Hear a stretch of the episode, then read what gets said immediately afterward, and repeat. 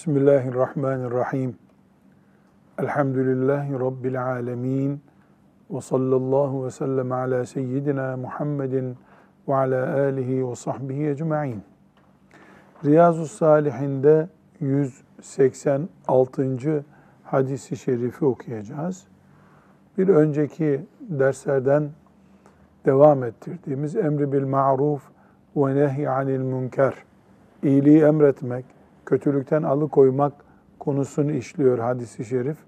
Şimdi bereketini Allah'tan umarak öğrendiğimizde amel etmeyi bize kolay kılmasını niyaz ederek Rabbimizden bu hadisi şerifi önce şöyle metniyle Ebu Sa'id el-Hudri radıyallahu anh'ın rivayetini okuyalım. Sonra tercümesini okuyacağız.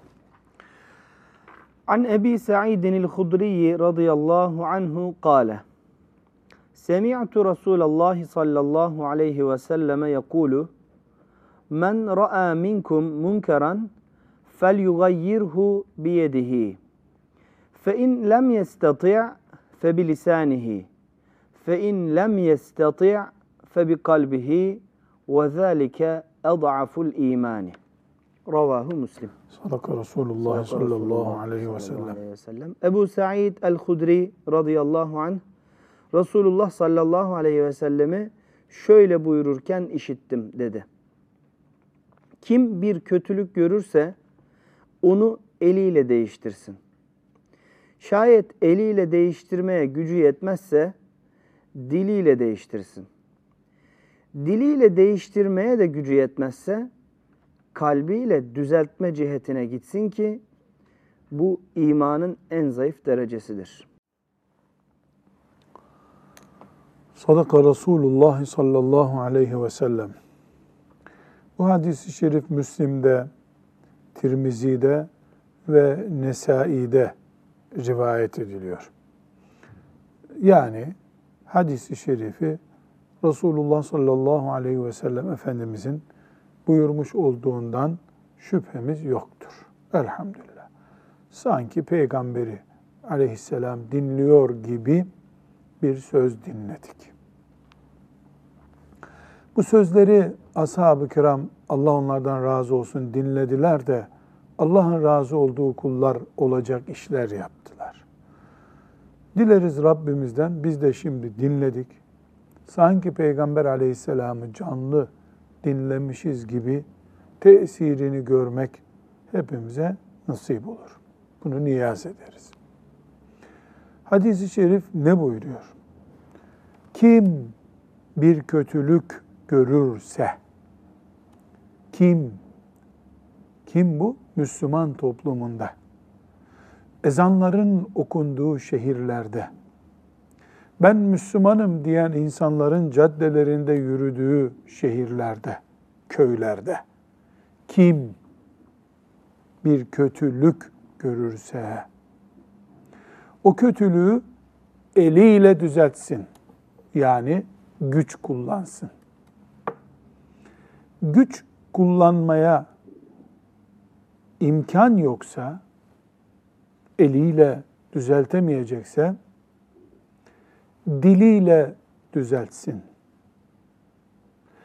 Diliyle de düzeltemiyorsa, gücü yetmiyorsa veya orada daha kötü bir şeyin olmasından, sesinin ulaşmamasından çekiniyorsa, kalbi ile düzeltsin.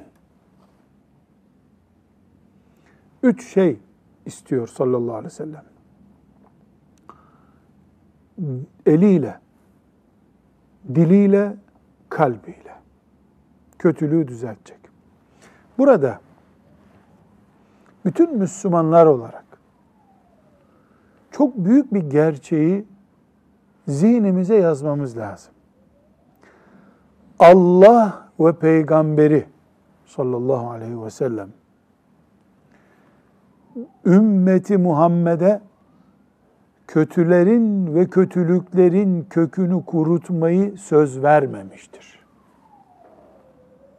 Hiç kimse kötülerin olmadığı, zinanın, kumarın, rüşvetin, faizin, katliamın, hırsızlığın vesaire, yalanın, nifakın, dedikodunun, insanı dövmenin, kadına zulmetmenin, erkeğe, kadının zulmetmesinin olmadığı bir dünya Medine'de bile olsa Allah'ın sözünü verdiği dünya değildir. Birisi çıkıp bize artık ekvator bölgesinde dahi gece olmayacak. Hep gündüz yaşayacağız demesi ne kadar akıl dışı, inanılmaz ve provokatör bir söz ise yani gecesiz bir dünya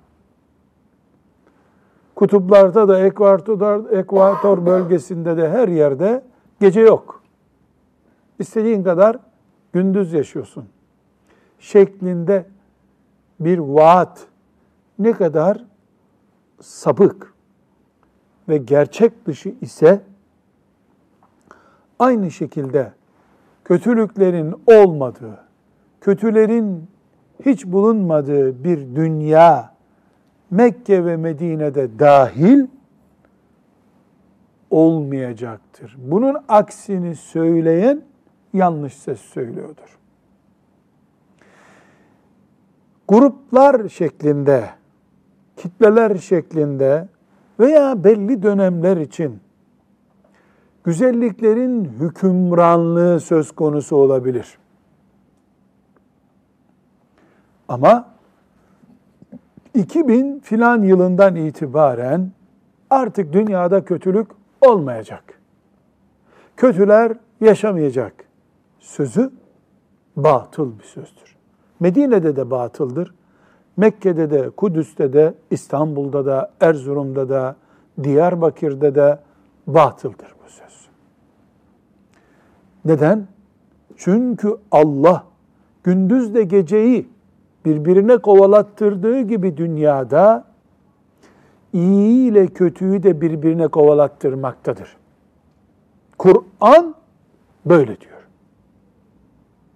وَلَوْلَا دَفْعُ اللّٰهِ النَّاسَ بَعْضَهُمْ بِبَعْضٍ لَفَسَدَتِ الْأَرْضِ Bu iyi ve kötü olmasaydı dünyada hayat olmazdı değil mi? Lefesedetil ardı. Bozulurdu her yer. Ya dünya boz. Biz ne diyoruz? Dünyayı kötüler bozuyor. Teröristler bozuyor. Kalpazanlar bozuyor. Kötü esnaf bozuyor. Kötü siyasetçi bozuyor. Kötü hoca bozuyor diyoruz. E Rabbimiz ne buyuruyor kitabında? Bu kötüler olmasaydı, iyilerle mücadele, iyilerin onlarla mücadelesi olmasaydı, le fesedetil ardu. Dünyada fesat olurdu. Demek ki dünyada bizim umduğumuz gibi bir hayatın, istediğimiz gibi bir hayatın var olması, kötünün de var olmasıyla mümkündür. Ayet bunu çok açık söylüyor mu? Üstelik iki yerde geçiyor Kur'an-ı Kerim'de değil mi? Bir de Hac suresinde yok mu? Hem Bakara suresinde hem Hac suresinde. Kötüler olacak bu dünyada. Allah rahmet etsin. Necip Fazıl'ın şiiri var ya, ey düşmanım sen bana lazımsın ben sana lazımım. Bu ayetten esinlenerek mi söyledi bilmiyorum ama çok güzel yerine oturmuş bir şiir. Allah ona rahmetiyle muamelede bulunsun. Ümmetimizin bir döneminde şiiriyle ve aklıyla hizmet etti. Burada onu zikretmiş olalım. Ma'ruf onu zikretmek çünkü. Şimdi dünyada Resulullah sallallahu aleyhi ve sellem ben geldim. Size şeriat getirdim. Veda hutbesinde okudum. Bitti. Her şey bundan sonra sizin elinizde buyurmadı. Böyle bir sözü yok. Böyle bir sözü yok. Ashabının tehlikeler yaşayacağı, fitneler göreceği, bırak uzun nesilleri diye uyarısı var üstelik. O zaman birinci büyük gerçeği koyuyoruz. Dünya hiçbir zaman Adem Aleyhisselam'dan beri hiçbir zaman sadece iyilerin bulunduğu, kötülerin yok olduğu yer olmadı. Bundan sonra da olmayacak. Kainatın efendisi, alemlerin efendisi olan sallallahu aleyhi ve sellemin devletinin başında bulunduğu Medine'de o 10 senelik mübarek zaman diliminde sorunsuz bir gün mü geçti? Kötülerin kökü orada kazınabildi mi? Kazınsaydı eğer Resulullah sallallahu aleyhi ve sellemin mihrabında namaz kıldırırken Ömer'i bir mecusi, mel'un şehit edebilir miydi? Osman radıyallahu anh Resulullah'ın şehrinde aleyhissalatü vesselam şehit edilebilir miydi? Eğer kötülük kalkacak olsaydı bu dünyada Medine'den kalkardı. Cennet bahçesi gibi bir yer Medine. Ama Osman radıyallahu anh'ın şehit edildiği yer 100 metre Resulullah sallallahu aleyhi ve sellemin cennet bahçesi dediğimiz kabri şerifine. Ömer radıyallahu anh'ın sabah namazı kılarken, kıldırırken, hançerlendiği ve şehit edildiği yer, dünyada cennet bahçesi olan Resulullah sallallahu aleyhi ve sellemin kabri şerifine sadece ve sadece 3 metredir. 3 metre. Olsa dünyada kötülerin olmadığı bir yer bu Medine-i Münevvere olurdu. Nevverahallah. Peygamber aleyhisselamın kabri şerifinin bulunduğu mescit olurdu. Başka olmazdı dünyada. Orada bile olmadı. Kanun o zaman şudur. Kötüsüz dünya olmaz. Kötülüksüz dünya olmaz. Yiyoruz, yiyoruz ama bağırsaklarımızda dışkı oluşmuyor. Böyle bir insan yapısı var mı? Var ama cennette. Cennette bağırsağımız olmayacak. Tuvalet olmayacak. Dünya ise tuvaletin bulunduğu bir yerdir. Ne hikmettir? Bunu misal olarak söylüyorum. Ev yapılırken, insanlara mesken yapılırken sulu bölge diye bir yer yaparlar. Yani evin su tesisatlarının geçtiği bir köşesi olur. Mesela 100 metrekarelik evin bir ucunda abdest yeri, tuvaletler, öbür ta ucunda e, başka bir banyo falan olmaz. Hepsini bir bölgeye toplarlar. Mutfak, tuvalet, banyo, lavabo, el yıkama giderleri aynı yerde olur. Onun için apartmanlara gider aydınlığı yapılıyor mesela. Oradan atılıyor. Bu çok enteresan. Benzetme için söylüyorum tabi. Mutfakla tuvalet aynı yerdedir evlerde. Aynı sulu bölgededir hep. Dünya budur çünkü. Tuvaletsiz mutfak olmaz. Patlar insanlar. Teşbih için konuşuyoruz. Dünya hayatında kötülüğün yeri budur. Bu şekilde bir iyilik ve kötülük anlayışı var. Böyle bir düzen kurmuş Allah Celle Celaluhu. Ayet okuduk. Ayette ne buyuruyor Rabbimiz? Bu kötüler olmasaydı hayat olmazdı diyor. O kötülerle mücadele gerekiyor. Bu birinci kan. İki, İslam'ı Allah din olarak gönderdi. Müslümanları kulları olarak kabul buyurdu. Müslümanlara da kötülüğün karşısında kale gibi duran adamlar olma görevini verdi. Sen senin halinle, ben benim halimle anlayışı yok İslam'da. Dinimiz sen varsan kötülük olmamalı orada. Hem sen kötülük yapmadığın için hem sen kötülüğü engellediğin için kötülük olmamalı diye Müslüman istiyor. Camisine giden tesbihini çeken ama caminin etrafıyla hatta evinin balkonunda berbat işler yapan çocuklarıyla, torunlarıyla ilgilenmeyen Müslüman modeli Resulullah sallallahu aleyhi ve sellemin Medine'de yetiştirdiği Müslüman modeli değildir. Birinci maddemizde ne dedik? kötülüksüz ve kötüsüz dünya olmayacak. Böyle istemiş Allah. Ama kötülüğün ve kötülerin karşısında Allah'ın şeriatını, insanlığı temsil eden Müslüman bulunacak. Üç, üçüncü maddeye geldik. İşte bunun için Resulullah sallallahu aleyhi ve sellem elin, dilin, kalbin kötülüğün karşısındaki adam olacak senin buyuruyor. Sonra cümleyi nasıl kapatıyor? Yani şöyle kalbi ile bile olsa bir refleks göstermeyen Müslümanın imanından bir şey kalmadı artık. Müslüman eliyle iş bitiren adam yer yer eliyle iş bitiremediği olabilir. Diliyle iş bitiren adam kötülüğe karşı dilini de kullanamama şartları olabilir. İçinden melekleri inandırır ki elini veya dilini kullanabilse idi bu kötülüğe izin vermeyecekti.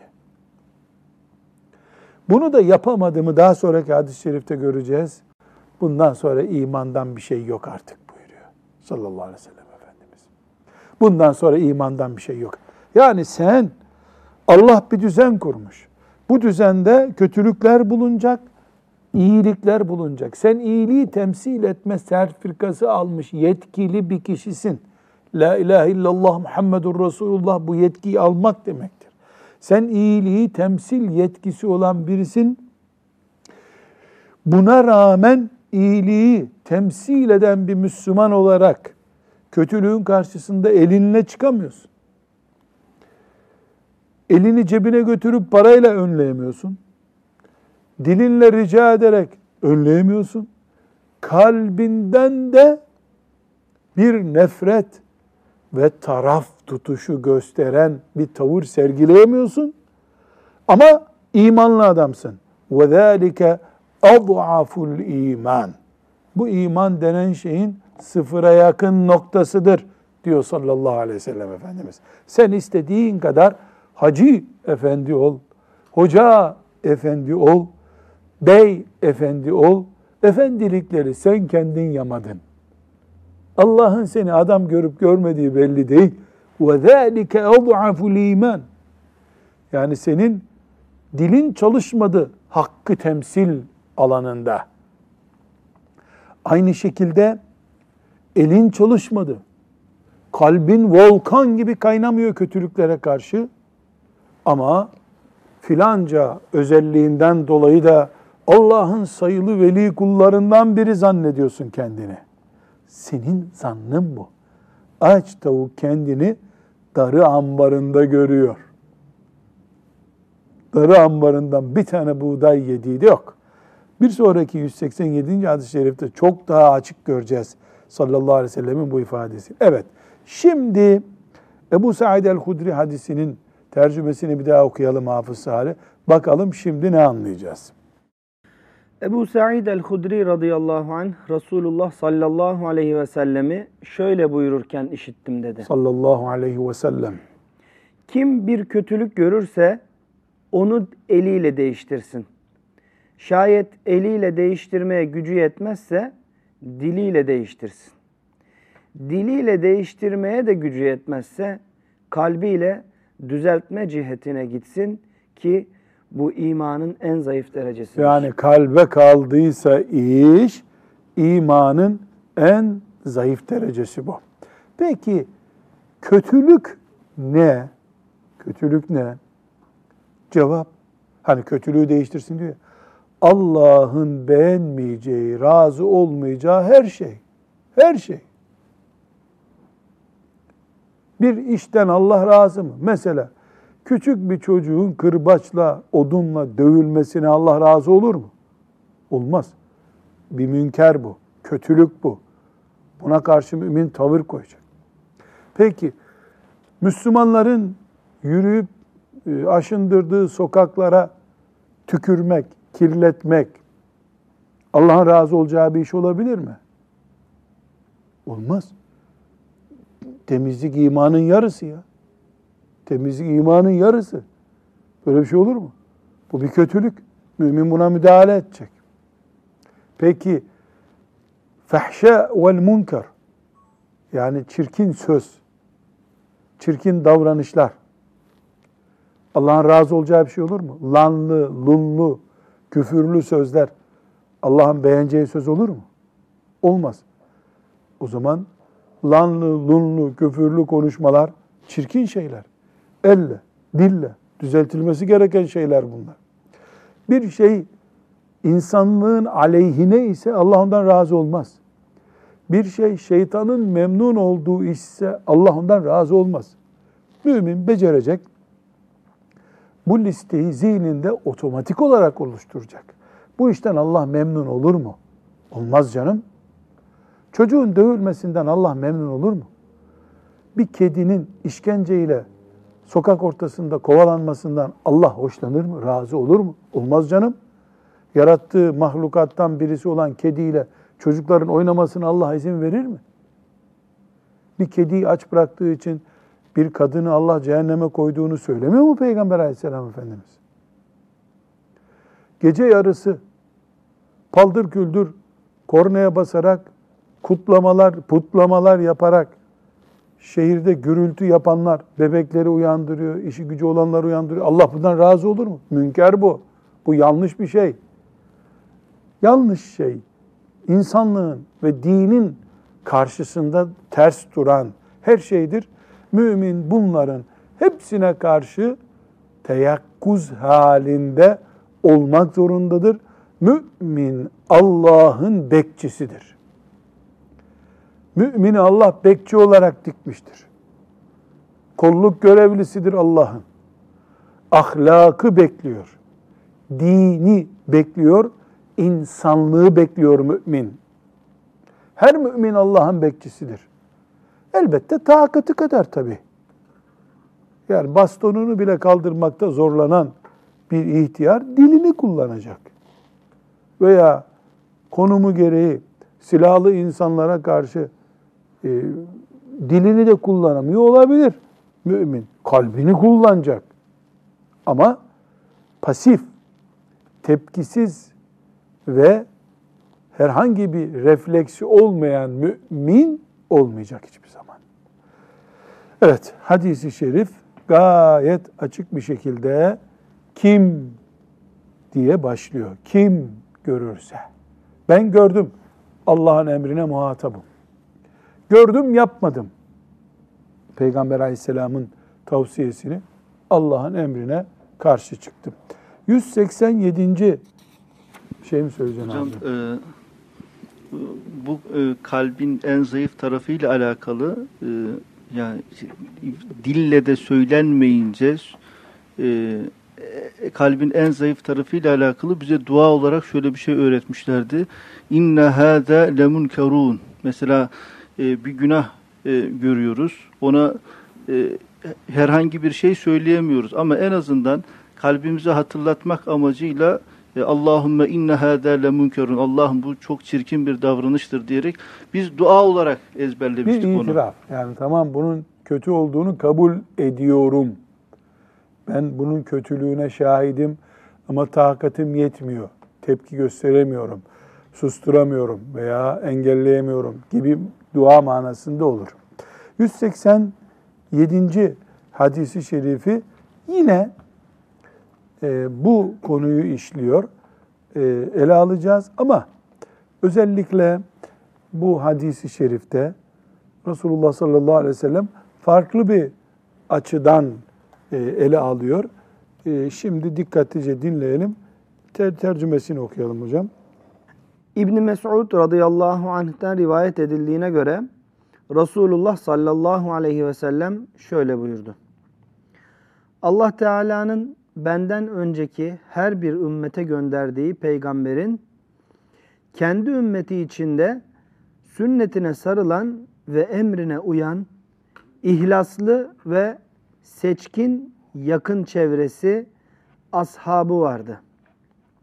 Bu samimi çevre ve ashabından sonra yapmadıklarını söyleyen ve emrolunmadıklarını yapan kimseler onların yerini aldı.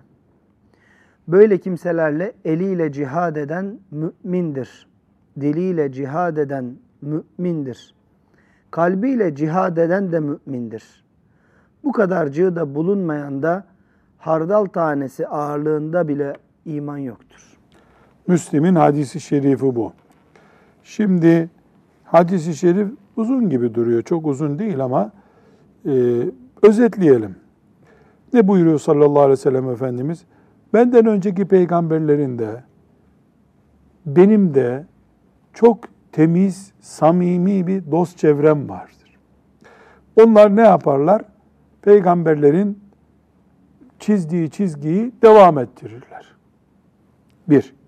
İki, bu temiz çevre yani ashab çevresi, ashab-ı kiramdan sonrası, onlar gittikten sonrası konuşan ama yapmayan, iki yüzlü, sadece dindarlığın adını kullanan bir güruh, grup getirecek. Bunlar İslam'ın, dinin lafını yapıyorlar, kendisini uygulamıyorlar. Dolayısıyla sorun bunlar. Bunlarla eliyle cihad eden mümindir. Diliyle cihad eden mümindir. Kalbiyle cihad eden mümindir. Ama bunlarla kalbiyle bile cihad etmeyen de hardal tanesi kadar bile bir iman yoktur artık. Hardal tanesi daha önce kullanmıştık. Susama benzer bir bitki. Yani küçüklüğü sembolize etmek için kullanılıyor. Bu peygamberden sonra gelip İslam'ın kalitesini düşüren, konuşan ama yapmayan, İslam'ın lafını üreten, amelini yapmayanlarla iyiliği emretmek, kötülüğü düzeltmek konusunu işliyor Efendimiz sallallahu aleyhi ve sellem.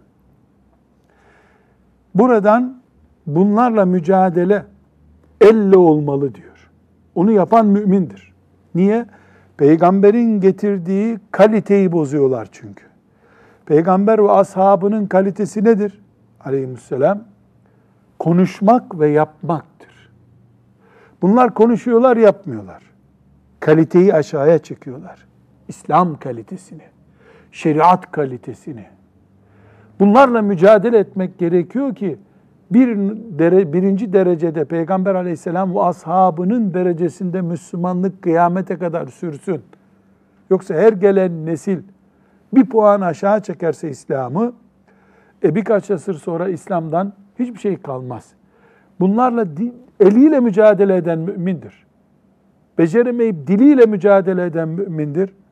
Kalbiyle nefret eden, beddua eden mümindir kalbiyle de etkilenmiyorsa, ne bileyim bana ne deyip çekiliyorsa, onun susam tanesi kadar bile imanı yoktur. Bu büyük bir tehdit. Çok büyük bir tehdit hem de. Neyi tehdit ediyor Efendimiz sallallahu aleyhi ve sellem? İslam'ın kalitesinin düşmesine, Müslümanlığın konuşulan ama yaşanmayan, Müslümanların sözünün güvenilmediği, Müslümanın günah işlenen yerde ses çıkarılmadığı bir toplumun oluşmasına karşı eliyle gücü yeten eliyle, diliyle gücü yeten diliyle, bunu da yapamayan en azından beddua ederek, kalbinden tepki göstererek yapmadığı sürece ortada eriyen bir İslam var. Kaybolan Peygamber aleyhisselamın çizgisi var demektir. Bundan bütün Müslümanlar sorumlu olduğu gibi elini, dilini, kalbini bu yolda kullanmayan herkes bundan sorumlu demektir. Bu sorumluluğun oranı ne? Asıl şimdi burada kilitleniyoruz. Hardal tanesi kadar da olsa imandan yoksun kalmaktır. Yok. Refleksi olmayan Müslümanın imanını iman kabul etmiyor sallallahu aleyhi ve sellem Efendimiz. Müslüman tepkili insandır.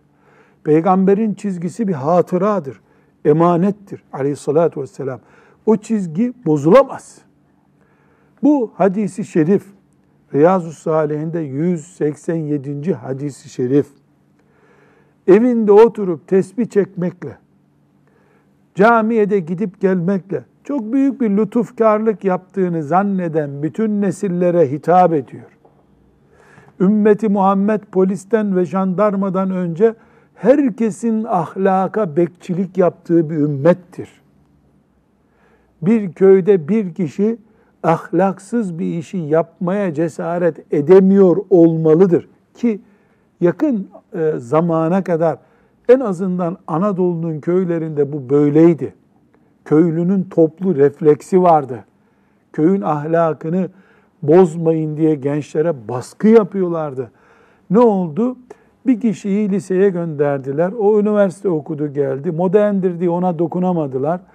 Bir kızı gönderdiler, lise mezunu oldu geldi. O çıplaklık getirdi. Ona dokunamadılar. Ağanın kızı şöyle düğün yaptı, ona dokunamadılar. Bir sessizlik, iki sessizlik, üç sessizlik, kötülük hükümran oldu bu sefer. Kötülük hükümran oldu. İlk e, tepki anında gösterilseydi, iyiliğin hükümranlığı bitmeyecekti. Allah dilese çıplak gezen her kadını yıldırımla helak ederdi. Yer onu çekerdi Nemrut'u çektiği gibi. Firavun'u, Karun'u helak ettiği gibi Allah helak ederdi. Ama Allah ne istiyor ayette ne okuduk? Mümin bunu yapacak. Bu iman gereğidir. وَلَوْلَا دَفْعُ اللّٰهِ النَّاسَ بَعْضَهُمْ بِبَعْضٍ Müminler o bazıdırlar. Mümin Allah'ın bekçisidir yeryüzünde. Kolluk görevlisidir. Müminin eliyle Allah bunu yapacak. Öbür türlü yaparsa azap etmek için yapar zaten. Müminlerin iyilik bekçisi olmaları, dilleriyle, elleriyle, kalpleriyle bunu yapmaları imanlarının gereğidir. Ne buyuruyor sallallahu aleyhi ve sellem Efendimiz İbn Mesud radıyallahu anh'ın hadisinde? Bunu diliyle, eliyle, kalbiyle yapmayan da hardal tanesi kadar da iman yok.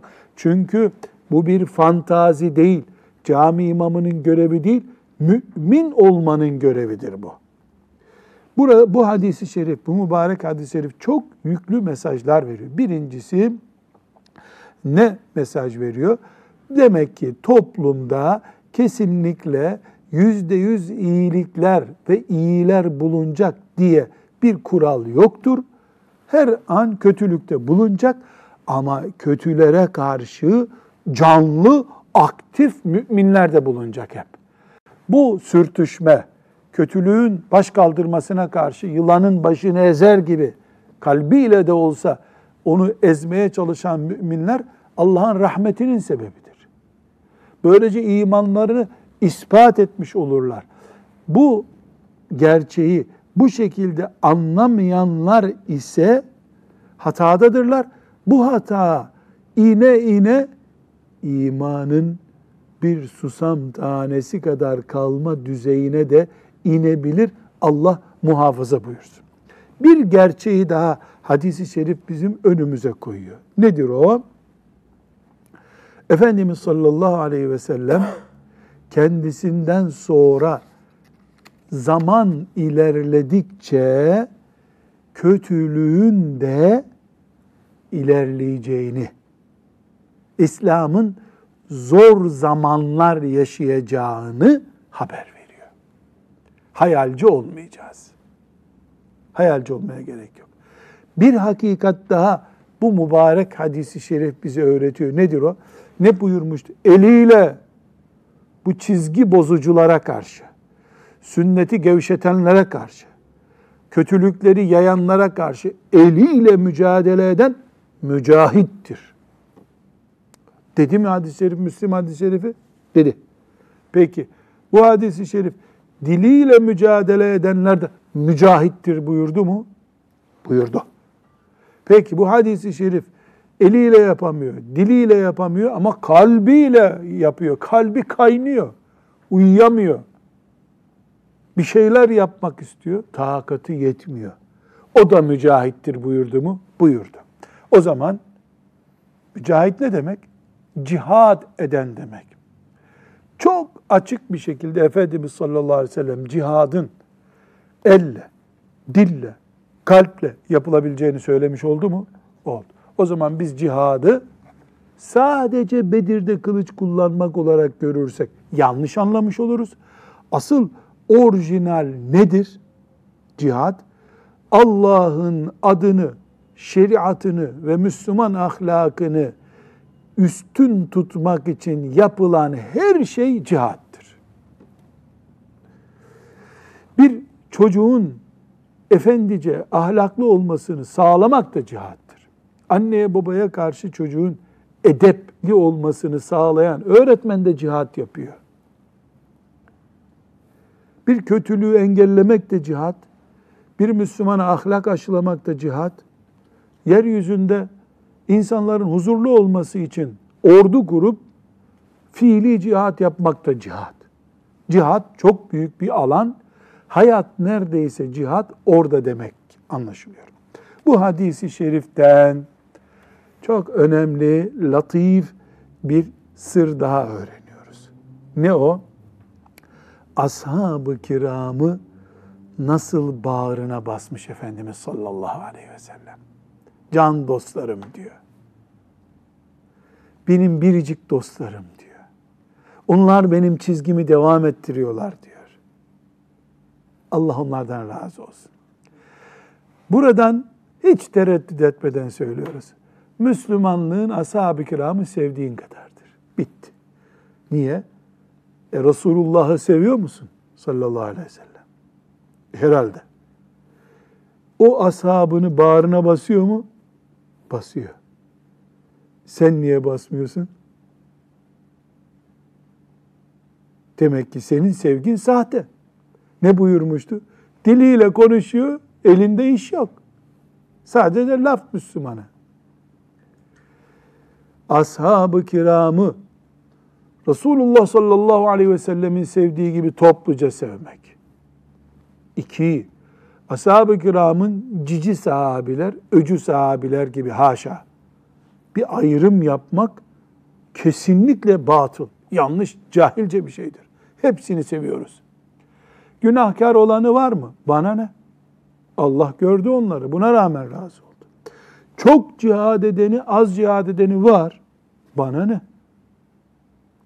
Ebu Bekir radıyallahu anh'la yüz bin sahabi bir kenara konsa aynı değiller. Bize ne? Biz topluca onları seveceğiz. Neden? Dinimizi bize ulaştırmada Allah onlara bu şerefi verdi. Ashab-ı kiram çatladığı zaman içimizde, halka koptuğu zaman din elimizden gider maazallah. Avizeyi tutan halka gibi onlar. İslam bir avize, aydınlatıyor bizi. En üst tavana ashab-ı kiramla tutunuyor. Allah onlardan razı olsun. Bu hadis-i şerif dolaylı olarak buna da işaret ediyor. Bir önemli noktaya daha Hafız Salih çok işaret ediyor. Bir eğitimci olarak buna dikkat etmemiz lazım. Demek ki Müslümanlığın yayılması, İslam'ın öğrenilmesi, öğretilmesi bir iş. Sen hocasın, liseli talebeleri, üniversiteli talebelere ders veriyorsun. Bu işin senin.